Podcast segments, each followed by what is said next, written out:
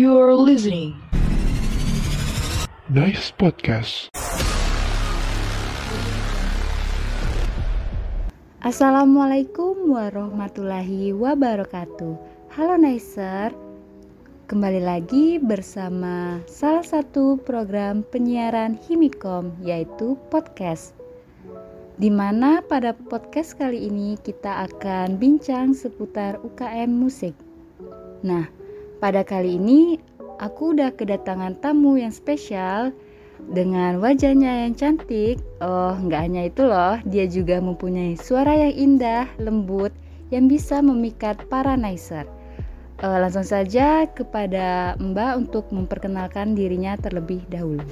Halo Nicer, perkenalkan nama aku Dirama Sakina. Kalau teman-teman aku sering manggil aku Nina. Aku anggota UKM Musik angkatan 2020. Oh, oke okay, baiklah. Ini enaknya kita panggil Mbak Nina atau Kak Nina? Terserah kakaknya aja deh, tapi biasanya sih dipanggil Kak ya. Oke, Kak Nina. Uh, baiklah, Nicer, itu saja mungkin perkenalan singkat dari Kak Nina. Uh, dari suaranya aja kita udah tahu ya kalau Kak Nina ini uh, sering bernyanyi dan merupakan seorang vokalis. Baiklah, Kak Nina, aku sebelumnya udah ada perta beberapa pertanyaan nih buat Kak Nina. Langsung aja ya Kak Nina, kita langsung masuk ke pertanyaannya. Boleh, boleh, boleh. Uh, untuk Kak Nina sendiri itu emang suka di bidang musik atau baru tertarik sama musik ini di kuliah atau gimana ya Kak? Sebenarnya aku itu suka ya main musik, tapi terkadang tuh nggak ada teman yang bisa bantu aku untuk belajar musik. Makanya dari itu, kenapa aku memilih di masuk ke dalam UKM musik ini. Oh, jadi itu salah satu alasan Kak Nina untuk masuk UKM musik ya? Iya, selain suka bermain musik, aku tuh juga suka kayak ikut organisasi gitu. Jadi di UKM musik ini selain bisa mengasah kemampuan kita dalam bermusik atau bernyanyi, di UKM ini juga mengajarkan kita tentang organisasi. Jadi nggak cuma main musik aja, di sini juga diajarin organisasi. Oh, jadi kita nggak hanya dapat keseruannya aja ya kak, kita juga dapat pengalaman yang lebih bermanfaat ya kak? Iya betul sekali. Oke, uh, kalau motivasi Kak Nina untuk gabung UKM musik ini apa ya? Awalnya itu waktu masuk kuliah, oh ya sebenarnya aku dulu tuh waktu sekolah kan aku SMK di SMK itu juga ada ekskul musik tetapi memang mungkin alat-alatnya kurang mendukung kalau karena ekskul itu baru kan. Pas sekali waktu kuliah aku lihat ada di unip ini UKM musik dan aku juga punya teman dia itu suka banget main musik. Jadi kami itu sama-sama nyari informasi tentang UKM musik ini. Waktu dia buka open recruitment kami langsung daftar setelah melalui perjalanan tes dan hal-hal kayak pertanyaan-pertanyaan gitu akhirnya kami diterimalah menjadi anggota KM Musik. Oh, jadi Kak Nina ini udah suka musik dari dulu ya? Iya. Oh, jadi kalau untuk biasanya kalau latihan itu dilakukan sendiri atau gabung sama yang lain kalau dalam organisasi UKM itu? kalau latihan itu sama-sama ya kami itu latihannya setiap hari Kamis. Jadi kalau misalnya ada event atau ada undangan kalau misalnya harus solo song itu saya latihannya sendiri. Tapi kalau memang ada tampilan band kami rame-rame. Tapi di hari Kamis itu semuanya datang harus datang wajib datang. Uh, kalau untuk kegiatan musik yang biasa dilakukan tuh apa aja sih kak? Uh, ini kegiatannya maksudnya di yang kayak gimana ya kak uh, fokus latihannya. Oh jadi di sana sebenarnya nggak terlalu ada fokus-fokusnya ya? Dima itu kemauan dari diri sendiri maunya memfokuskan atau mau mendalami bidang apa? Kalau aku saat ini masih mendalami ke bidang menjadi vokalis kan. Di sana aku belajar tangga nada terus lebih kayak apa ya? Uh, ini apa? Bagaimana cara tips kita menghafal lagu ketika kita sudah hamin mau tampil. Kalau menurut versi Kak Nina nih, eh, gimana sih tips supaya jadi vokalis yang baik? Kalau dari aku ya, vokalis yang baik itu harus menghafal bukan lagu yang ingin kita nyanyikan saja ya, tapi kita juga harus menghafal lagu dari berbagai jenis genre lagu. kemudian juga usahakan kita harus hafal dengan lagu yang akan kita bawakan yang pasti kita harus menguasai lagu itu dan yang penting tips dari aku, kita itu kalau nyanyi harus dari hati.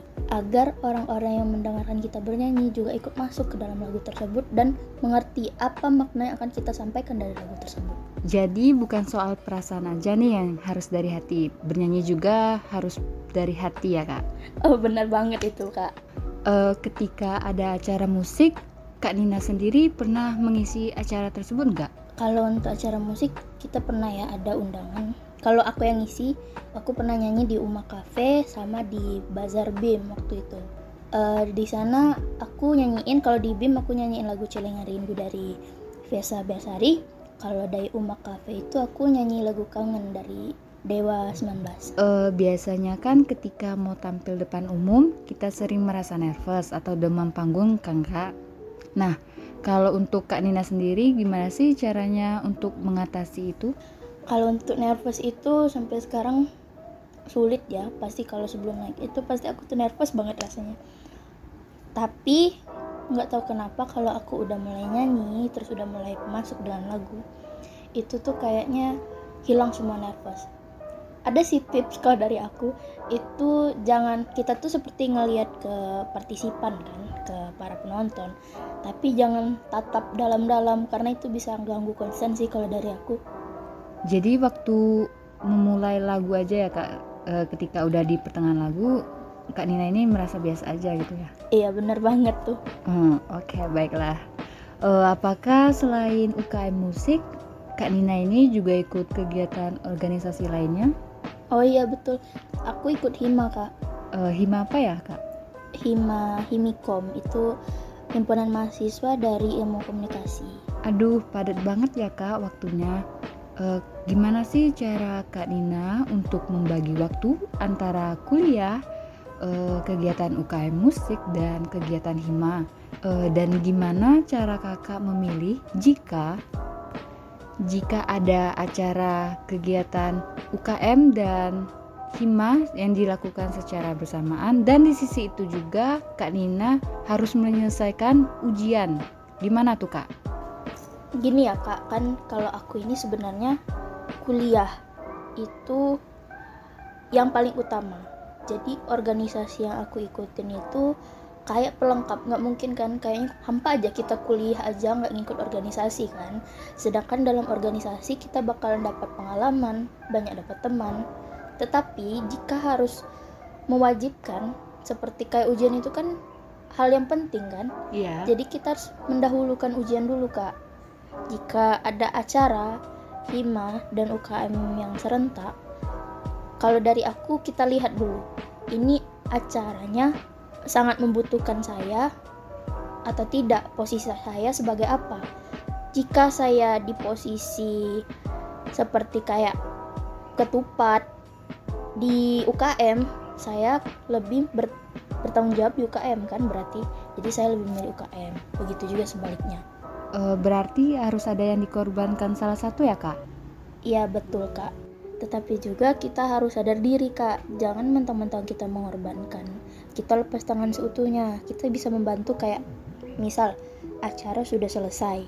Di sana kita juga harus bantu beres-beres atau kita mengikuti lah minimal rapat atau kegiatan selanjutnya. Yang masih berhubungan dengan acara tersebut. Jadi kita harus tetap pegang tanggung jawab kita ya kak? Iya betul sekali. Uh, apa sih yang didapatkan setelah gabung UKM musik? Uh, apakah memberi dampak ke kehidupan atau ada perubahan nih dalam hidup setelah gabung UKM musik itu kak? Uh, jelas ada ya kak. Misalnya aja ya. Dulu aku tuh kayak suka aja bernyanyi. Setelah lihat anak-anak UKM musik itu sempat minder ya kak. Karena dilihat dari mana pun orang-orang yang ikut OKM musik ini keren-keren banget lah pokoknya. Mereka itu punya skill yang kelihatan banget kalau mereka itu sering asah-asah. Sedangkan aku suka nyanyi itu karena hobi mm. bukan ingin mendalami. Tapi karena hal itu aku jadi kayak termotivasi gitu. Oh aku udah punya bekal nih. Tinggal aku asah-asah lagi biar jadi lebih baik ke depannya kayak gitu. Kalau untuk dampak ke kehidupan memang nggak terlalu terlihat ya kak. Tapi aku tuh jadi lebih banyak aja pengalaman. Kayak ngisi-ngisi di kafe nyanyi-nyanyi walaupun nggak sering ya uh, itu tuh buat aku lebih pede aja kalau melihat respon dari penonton-penonton. Oh mereka ini suka kalau aku nyanyi jadi lebih percaya diri aja gitu. Jadi dari hal yang kecil pun dapat memberikan dampak ya kak? Iya. Uh, jadi terus harapan ke depannya untuk diri sendiri dan UKM musik itu apa ya kak harapannya untuk ke depannya kalau untuk diri sendiri aku harap aku bisa sering-sering gabung uh, di kegiatan UKM musik ke depannya. Karena kan sekarang aku lagi menjalani organisasi kan kak. Yeah. jadi agak sulit bagi waktunya. Terus juga kalau untuk UKM musik semoga rasa kekeluargaan di UKM musik nggak pernah hilang semoga orangnya asik-asik terus dan semoga selalu menjadi orang-orang yang menciptakan karya yang berguna berguna bagi orang banyak. Oke, baiklah Neser, mungkin itu saja cerita dan pengalaman dari Kak Nina yang merupakan salah satu anggota dari UKM Musik. Untuk mengakhiri perbincangan kita, boleh nih Kak Nina menyanyikan untuk para Neser lagu yang Kak Nina suka nih. Aduh ini banget ya. Iya, ini Nicers mau dengar juga nih Kak. Lagu Celengan Rindu boleh? Boleh banget nih Kak. Oke.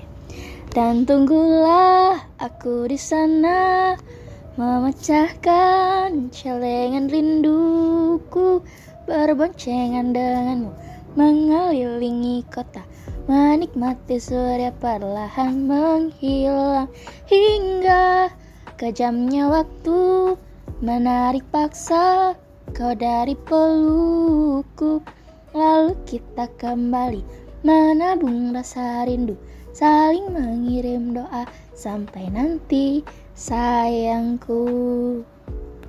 Aduh, Naiser, aku jadi baper nih gara-gara dengerin lagu, dengerin lirik lagu Celengan Rindu, ditambah lagi nih dengan suara Kak Nina yang merdu. Oh, jadi ingat masa lalu ya kak ya? Oh, Kak Nina bisa aja nih. Mungkin itu saja Naiser bincang-bincang kita bareng Kak Rina seputar UKM musik.